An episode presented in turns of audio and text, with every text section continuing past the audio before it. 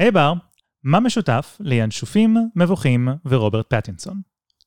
fan fiction חדש לטווילייט. כמעט! היום אנחנו מדברים על... בטמן! זה היה גרוע ממש. מה אבל- זה היה אחלה. פתיח והתחלנו? פתיח והתחלנו.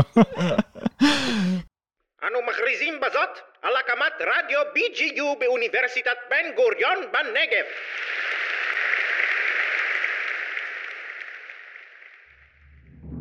המאה ה-21 וסרטי קומיקס צצים בכל פינה. מי יעשו סדר בבלגן הזה? פריאל כהנים ובר לשם, שני sidekicks ללא פיקוח של מבוגר אחראי. אין דבר שיעצור מאדם מלדבר על ספרות מאוירת. אה, האמת היא שיש בעיה עם המושג הזה. אל תפריע לי בפתוס! זה העניין עם התחתונים.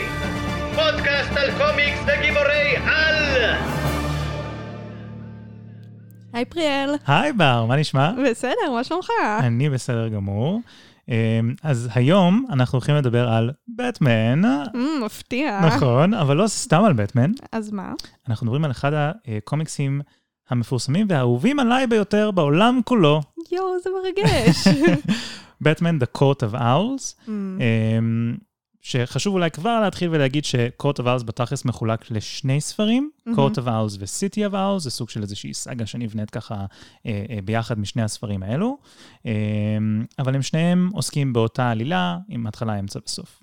שההתחלה, אמצע, בסוף זה לכל אחד בנפרד, או שביחד הם יוצרים את ההתחלה? ביחד הם מייצרים התחלה, אמצע וסוף אחד, איזשהו נרטיב אחד גדול, אה, שכמו שאנחנו גם נראה לקראת סוף הפרק היום, אה, יכול להיות שיש לו השלכות מאוד מאוד משמעותיות אה, להמשך. להמשך. מסתורי מאוד, אני רוצה נכון. כבר להגיע לסוף. לא, יש לנו עוד הרבה על מה לדבר, אבל אני רוצה גם להגיד תודה, בגלל שבזכותך קראתי את הקומיקס הזה, והוא היה מאוד מגניב. את רוצה לספר קצת מה הייתה החוויה, איך, איך זה היה שונה אולי מקומיקסים אחרים שקראת? זהו, אני, אני, כפי שאני מניחה שמתחילים להבין, אני יותר קוראת ספרים, אה, סליחה, קומיקסים אה, משנות ה-30, 40, אה, וזה מאוד מאוד שונה. כן. אה, מהאומנות לפאנלים, לאיך שמשחקים שם עם כל מיני דברים, ואני חושבת שאחרי שאולי נציג את הקומיקס כמו שצריך, אולי באמת נדבר על הפן הזה של הקומיקס. בסדר גמור. אז of House אה, נכתב על ידי סקוט סניידר, אין שום קשר לזאק סניידר שביים את הסרטים של DC, נגיע לזה עוד מעט, אה, ואויר על ידי גרג קפולו.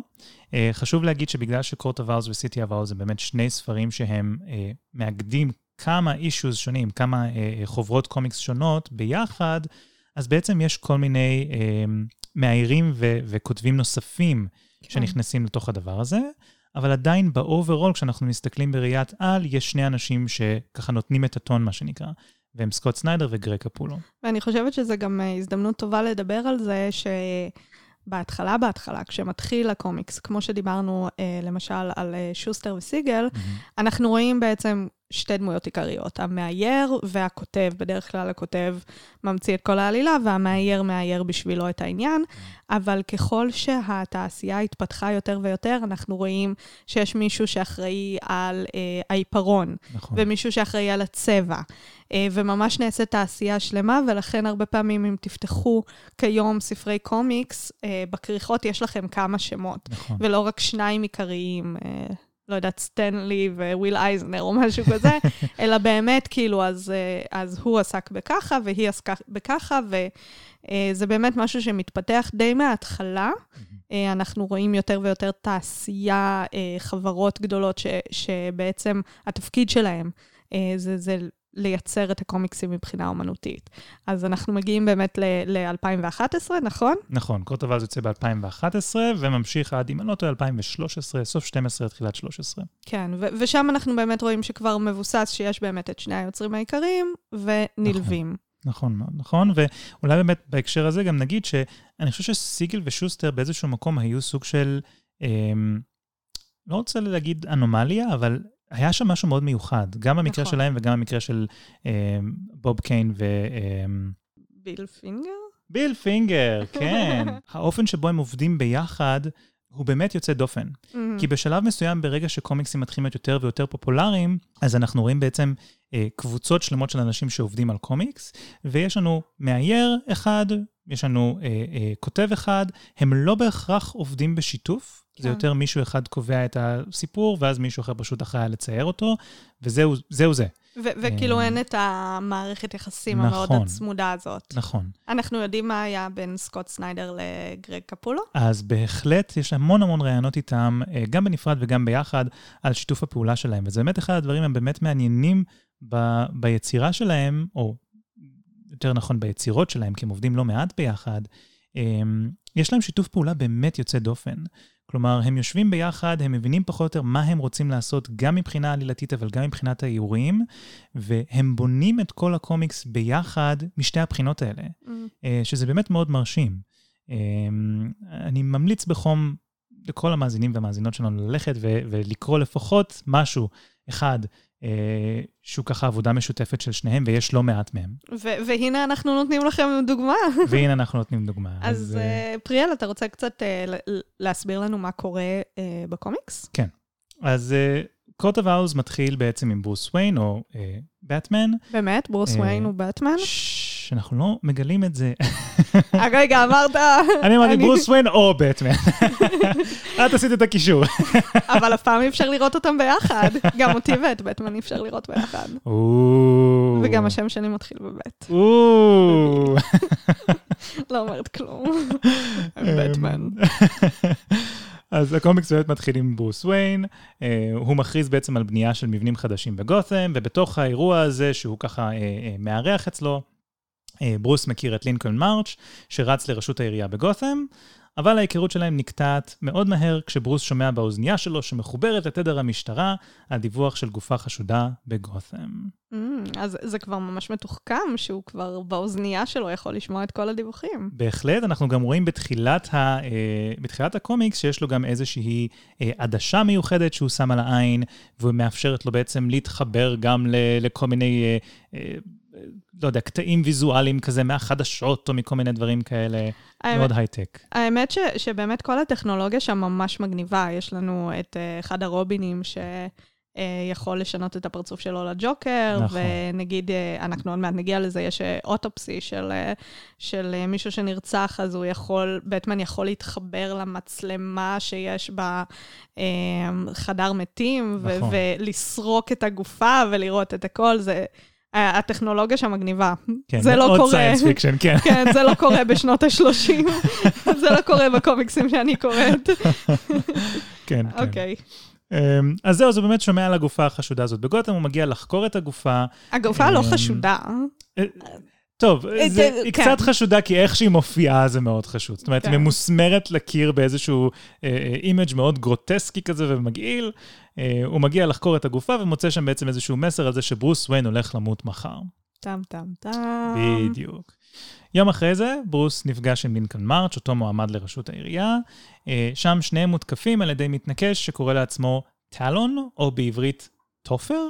כן, היינו צריכים כאילו לבדוק איך אני, אני, הוגים את זה בעברית. אני בדקתי, טכנית זה טופר, אבל משהו שם מרגיש לי לא נכון. אולי הפודקאסט של לשון אצלנו בבן גוריון יכול להביע דעה על זה. כן, פס. אמ, אז מגיע איזה מתנקש שקורא לעצמו טופר, אה, או טלון. אמ, נראה לי שאפשר לחזור לטלון. כן, אני, אני ממש בעד. אה, הוא תוקף את ברוס ואת לינקון מרץ', הם שניהם מצליחים לשרוד את המתקפה, וממחקר שברוס עושה מאוחר יותר הוא מגלה בעצם שהטלון עובד עבור קבוצה של אריסטוקרטים עשירים בגותם, שקוראת לעצמה The Court of Owls. ו- וכבר אנחנו מההתחלה רואים שמדברים על איזשהו nursery rhyme, שבעצם נכון. אה, אומרים על, על האגדה של ה-Court of Owls, שזה משהו שבגותם מאוד חזק. נכון מאוד, נכון. מאז ומתמיד היו איזה שהן שמועות על קבוצת צללים כזאת ששולטת בגותם מאחורי הקלעים, אה, ובייסקלי רוצחת את כל האנשים שמתנגדים לאינטרסים שלה, אבל בטמן, בהיותו בטמן, הוא משוכנע שגותם זו העיר שלו, אין דבר כזה קורט אוף ארלס, זה לא קיים, הוא מתנגד לחלוטין לקיום שלהם. ואני חושבת שאו גורדון או אלפרד אומרים לו באיזשהו שלב, גם אתה פעם היית מיתוס. גם פעם לא האמינו שאתה קיים. אה, שזה נחמד, המשחק הזה, אה, אם אנחנו מדברים עם עטלפים, ינשופים, כל כן, כן. המשחקים האלה, שנדבר על זה עוד מעט גם, כן, על המשחק נכון. הזה.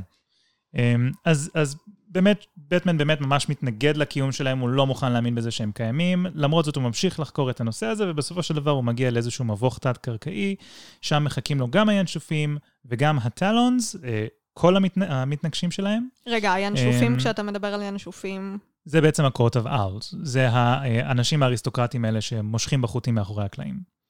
אה, הם מסממים את בטמן, הם תוקפים את בטמן בניסיון לשבור את הרוח שלו, להשפיל אותו, להביס אותו, פיזית, נפשית, רגשית, הכל.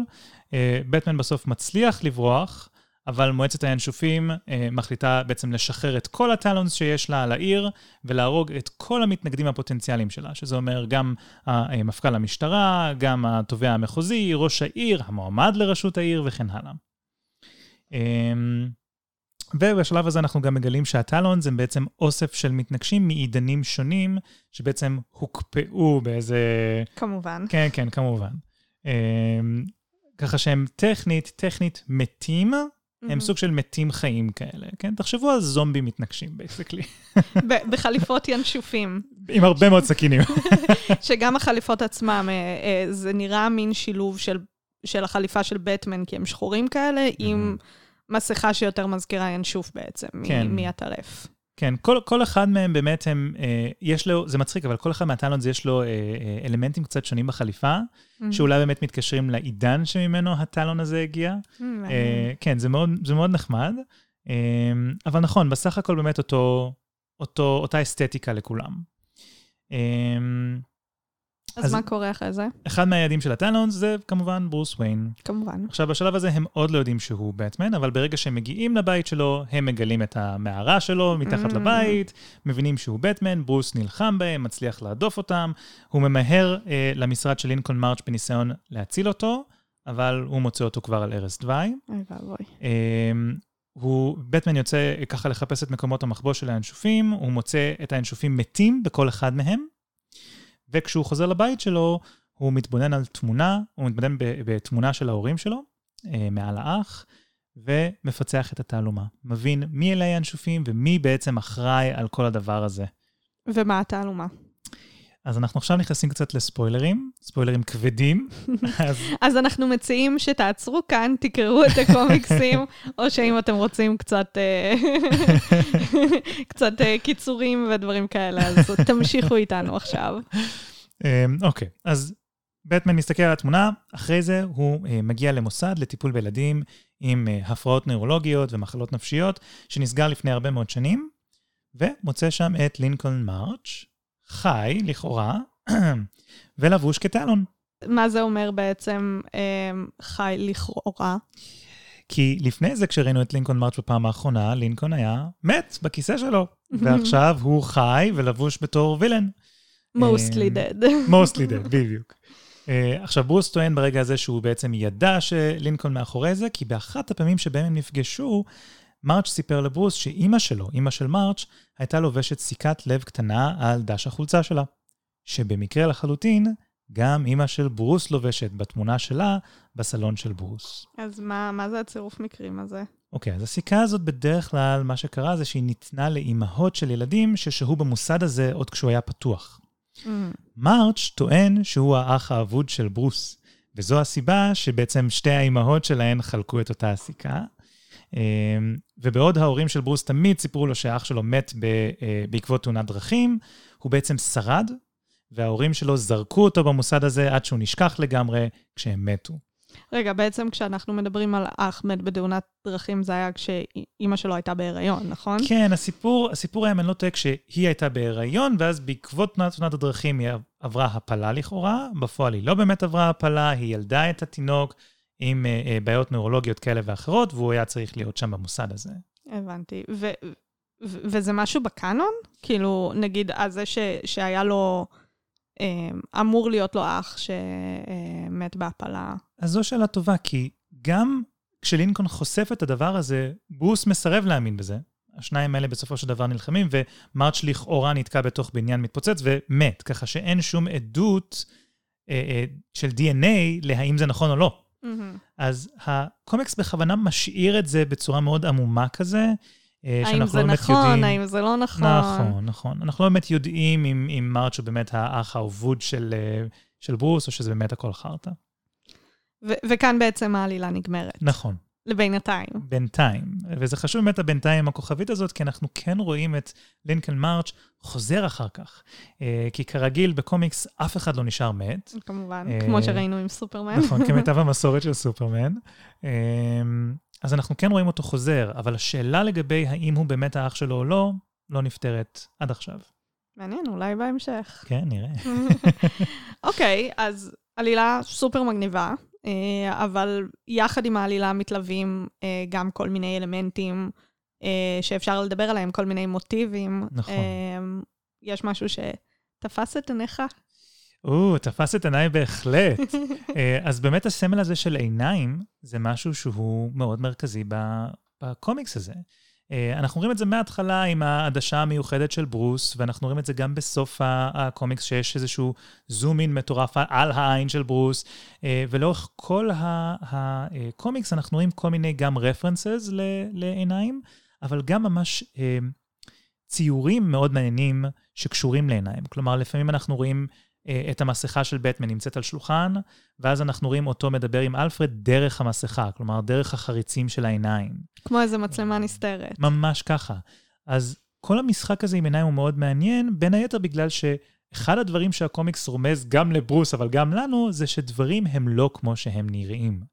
כלומר, יש פה איזושהי משמעות נסתרת מתחת לפני השטח, שעוסקת בעלילה הזאת של, אה, אה, בתעלומה הזאת, של מי זה לינקולן מרץ', מי אלה הקרוט אב האולס, ואיך הם קשורים באמת. ו- ואם אנחנו גם מדברים על עיניים, יש uh, uh, כמה עמודים שאנחנו רואים עין uh, של ינשוף, uh, ומתוך זה אנחנו רואים כאילו פאנל. ואני חושבת שזה גם uh, דרך טובה קצת להיכנס לעניין של הפאנלים, שזה כן. משהו מאוד מיוחד בקומיקס הזה, שבעצם הפאנלים הם לא, הם כבר לא אותם ריבועים או, או מלבנים שאנחנו רואים בהתחלה, אלא באמת משהו ש... הם משחקים איתו. יש פ- פתאום אה, דף שלם שזה פאנל אחד, זאת אומרת עמוד שלם שהוא רק סצנה אחת. יש לנו אה, באמת פאנלים בתוך אה, עין של ינשוף, נכון. אה, ויש לנו גדלים שונים, ו- וזה גם אותו משחק אה, שאנחנו מדברים עליו, וזה דרך לקדם את העלילה בצורה מאוד מאוד מיוחדת, שאין לנו בספרות, ואין לנו ב... בקולנוע, כי בקולנוע זה הכל סרט רץ. זה מעניין כי אני חושב שגם בקולנוע וגם בספרות יש אולי וריאציות של זה, אבל האופן שבו הקומיקסים עושים את זה הוא באמת באמת מאוד מיוחד. כי יש משהו בחיבור הזה בין התמונה הסטטית לדינמיות הזו שהיא מכריחה אותך כזה סוג של לקרוא את הדבר הבא, שהוא מאוד מאוד מיוחד לקומיקס. לקומיקס בעידן המודרני. יותר, נכון, וזה באמת אחד הדברים. שרציתי להגיד, שההבדל הגדול שאנחנו רואים בין הקומיקסים הראשונים של סופרמן למה שאנחנו רואים ממקורות of Owls, נובע בין היתר אה, אה, מההתפתחות של הז'אנר, מההתפתחות של הצורה הזאת של קומיקס. אה, ואנחנו נגיע לזה קצת יותר בהמשך, כשאנחנו נדבר על העידנים השונים של קומיקס, אה, עידן הזהב, עידן הברונזה, עידן המודרני וכן הלאה, אה, ועל האופן בו כל אחד מהעידנים האלה סוג של הגדיר מחדש את המשמעות של קומיקס. אה, אבל באמת בהקשר הזה של, ה, של הפאנלים, אחד הדברים שאני הכי אוהב בקומיקס, Mhm. ואולי זו הסיבה שאני גם מאוד מאוד uh, uh, ממליץ לקרוא אותו, זה שבנקודה מסוימת, כשברוס נמצא במבוך עם ה-Court of Owls, ככה מנסים uh, uh, uh, לסמם אותו ולתקוף אותו, האוריינטציה של העמוד משתנה יחד עם המבוך. כלומר, שמה זה אומר בעצם? ככל שהוא הולך בתוך המבוך ומאבד את עצמו, אנחנו פתאום צריכים להזיז את הקומיקס על הצד כדי לקרוא אותו כמו שצריך, או להפוך את הקומיקס לגמרי, או לשחק ממש עם האופן שבו אנחנו מחזיקים את החוברת, כדי להיות מסוגלים בכלל לקרוא את המילים ולהבין את התמונות. הבעיה בפודקאסט זה שאתם לא יכולים לראות את פריאל מתלהב עם הידיים ומסובב חוברת קומיקס דמיונית אה, בזמן שהוא מדבר על זה. אני כל כך מתלהב מזה. האמת שכן, כי אנחנו בעצם גם מתחילים את הסצנה עם המבוך ממעין מבט עילי. נכון. שכאילו אנחנו יודעים, אנחנו רואים את המבוך, נכון. המבוך אנחנו יכולים אה, ממש לסמן אה, אה, בעיפרון את המבוך, נכון. אבל ככל שאנחנו נכנסים עם באטמן לתוך המבוך, אנחנו גם מאבדים איזושהי אוריינטציה. נכון, נכון. וזה באמת אחד הדברים המאוד יפים שם, וזה ייאמר לזכותם גם של גרג קפולו וגם של סקוט סניידר, שהאופן שבו הם מצליחים לשלב בין תוכן העלילה למה שאנחנו רואים על העמוד, הוא באמת יוצא מן הכלל. הוא באמת באמת מיוחד. והעובדה שהם מזמינים אותנו לקחת חלק בתעלומה דרך זה שאנחנו סוג של מתחקים אחרי הצעדים של ברוס וסוג של הולכים לאיבוד יחד איתו בתוך החוברת, זה, זה פשוט יוצא דופן, זה, זה מדהים. ו- ועוד משהו, שאם אנחנו מדברים באמת על האספקטים הוויזואליים, יש איזשהו קטע שזה מעין פלשבק, נכון? נכון. אה, אה, לברוס ויין שהוא צעיר? כן. ופתאום הסטייל משתנה, הסגנון של הדימויים אה, מזכיר יותר באמת קומיקסים קצת יותר מוקדמים, למרות שבאיכות אה, יותר אה, מתקדמת. אה, פתאום זה נראה קצת אה, אה, מטושטש. נכון. ופתאום כאילו בשביל להחזיר אותנו אחורה, כאילו אתם יכולים לפתוח את העמוד הזה ולהגיד, אוקיי, יש כאן סצנה אחרת. אה, שזה משחק מאוד מאוד חכם לפי דעתי, עם, אה, עם הדרך שבה אנחנו, אין אה, כמו בסרטים ישנים שרואים כזה, וכזה, פתאום הכל מטשטש כזה, ואז כן. כאילו אנחנו רואים איזשהו פלשבק, אלא באמת הם, ועל רקע גם... כאילו הפאנלים גם על רקע מכתבים, שזה גם מאוד מעניין. על רקע מכתבים, וגם נראה לי שבאיזשהו מקום זה נראה גם ממש כמו אה, סרט נע כזה של... אה, נכון. של... של קולנוע כזה. מין פילם נואר כן. כזה אולי, שזה משהו שמאוד אה, אה, מתחבר לבטמן נכון. באיזשהו מקום. כל הספרות בלשית, סר- סרטי בלשים, אה, זה משהו שחוזר הרבה אצל בטמן, נכון. אה, כל הפילם נואר הזה, אה, הז'אנר הזה. כן, זה באמת, באמת, שוב, זה עשוי ממש ממש טוב. אמ, ועוד אחד מהדברים שבאמת, אני, אני חושב שהם ממש יפים, זה הרבה משחקים עם השתקפויות בקומיקס. כלומר, obviously אנחנו יודעים מה, מה הסוף, אנחנו מבינים שיש כאן איזשהו משחק על האם יש לברוס אח, אח אה, אה, קטן או לא, אבל הרעיון הזה של השתקפויות, של, את יודעת, האטלף ואל מול ה- הינשוף, אה, ברוס אל מול לינקולן מרץ', כל המשחקים האלה, רואים אותם יותר ויותר ככל שאנחנו ככה חוזרים על הקומיקס בחזרה, ככה מההתחלה עד הסוף. רואים את ברוס מסתכל הרבה על החלון שלו ורואה את ההשתקפות שלו. אה, רואים את, אה, אה, את ההבחנה בין גותם העילית, מה שנקרא, לגותם התחתית, כן, מה שמאחורי הצללים, מתחת לפני השטח. אה, יש הרבה משחקים שם עם, ה, עם הדואליות הזו, אה, שמאוד יפה, ויש שם אפילו איזושהי נקודה שבה לינקולן מרץ' אה, אפילו זורק את ברוס לתוך איזה אה, חלון של בניין, אה, ואומר משהו על, על איזשהו רפרנס לאליס, through the looking glass, כן? דרך המראה, אה, שזה גם מאוד מאוד יפה. וגם כדאי להזכיר שהם מאוד דומים, לינקולן מרץ' וברוס כן. ויין. כאילו, אני בהתחלה לקח לי כמה פאנלים להבין אה, מי זה מי. כן, ויזואלית, עושה רושם. שקפולה ממש מצייר אותם מאוד דומים. כן. אה, שזה מעניין כי בהתחלה, כשקוראים את זה, אז אולי מרגישים שטוב, בסדר, זה פשוט הסגנון של קפולו, אבל לצייר. דמויות די דמויות, אבל... אה, כשאתה נכנס לזה, ולפי ההסברים שעכשיו אתה נתת, אז באמת אפשר להבין מה, מה העניין. כן, זה מאוד מאוד יפה. אז פריאל, אני, חוץ מבעצם זה שאתה מאוד מאוד אוהב את הקומיקס הזה, ו- ואני מאוד נהניתי לקרוא אותו עכשיו לפני ההקלטה, למה הקומיקס הזה חשוב לנו כיום? אוקיי, אז... אה, כאילו, מה זה, כל קומיקס הוא חשוב, ולכו לקרוא קומיקסים, אבל מה, מה קורה איתו עכשיו? אוקיי, אז יש לנו סרט קטן, ממש קטנצ'יק, פצפון כזה, אה, שנקרא The Batman, שאמור לצאת מתישהו ב-2022. אנחנו נראה אם זה יקרה עם כל העיכובים בגלל הקורונה, אבל אה, אה, כרגע זה התכנון, אה, בכיכובו של אה, רוברט פטינסון. Hmm, זאת אומרת שבן אפלק, בט פלק יצא מהתמונה. התשובה לשאלה הזאת מורכבת. הוא לא לגמרי יצא מהתמונה, אנחנו נראה אותו חוזר אה, בסרט על פלאש פוינט, גם ב-2022, אבל מה שאנחנו רואים כאן עם פטינסון זה סוג של, אה, נקרא לזה עולם אחר, אוקיי? סוג של אה, סיפור, יוניברס אחר, איזושהי מציאות אחרת, אין לזה קשר כל כך לסרטים שראינו של DC עד עכשיו, לפחות לא בינתיים. Hmm. אה, כי יכול להיות שהם החליטו Stay לקשר אחר. כך, בדיוק. אז מה, מה הקשר של הסרט הזה ל-The Court of Owls? אז באוגוסט 2020 יצא אה, מעין teaser trailer לסרט של פטינסון. ואם אתם מסתכלים מאוד מאוד מאוד טוב על הטריילר הזה, תוכלו למצוא references ל Court of Owls.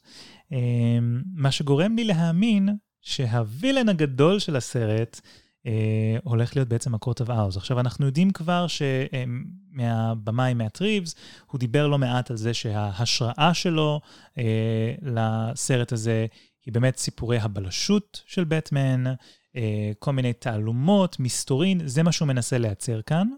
אה, אנחנו גם יודעים שאיזושהי גרסה של הרידלר תופיע ב- בסרט, אבל לי זה מרגיש כאילו ההתמקדות ברידלר נועדה בעצם סוג של אה, אה, להוריד אותנו מהעקבות של הווילן האמיתי כאן. ובשביל זה יש לנו את פריאל, שיחזיר אותנו ל... למסלול. בשבוע הבא אנחנו נעשה ספוילרים לספיידרמן. לא, לא באמת, לא תישארו. תישארו. אה, כן, אז אה, באמת מאוד נהניתי. אה, אנחנו באמת ממליצים למאזינים שלנו אה, לרוץ לקרוא את הקומיקסים האלה, את שני אה, שני הגיליונות האלה. אז זה זמן טוב אה, גם להזכיר שיש לנו קבוצת אה, פייסבוק, העניין עם התחתונים, פודקאסט על קומיקס וגיבורי על. שם נעלה גם תכנים וגם את הפרקים עצמם. מוזמנים ומוזמנות להצטרף אלינו. נכון מאוד, ואנחנו נודה גם ל-BGU רדיו ולבוזי רביב על העזרה שלהם בהפקה של התוכנית שלנו. אה, נתראה. בפרק הבא. נתראה, תודה פריאל, תודה בר. ותודה למאזינים.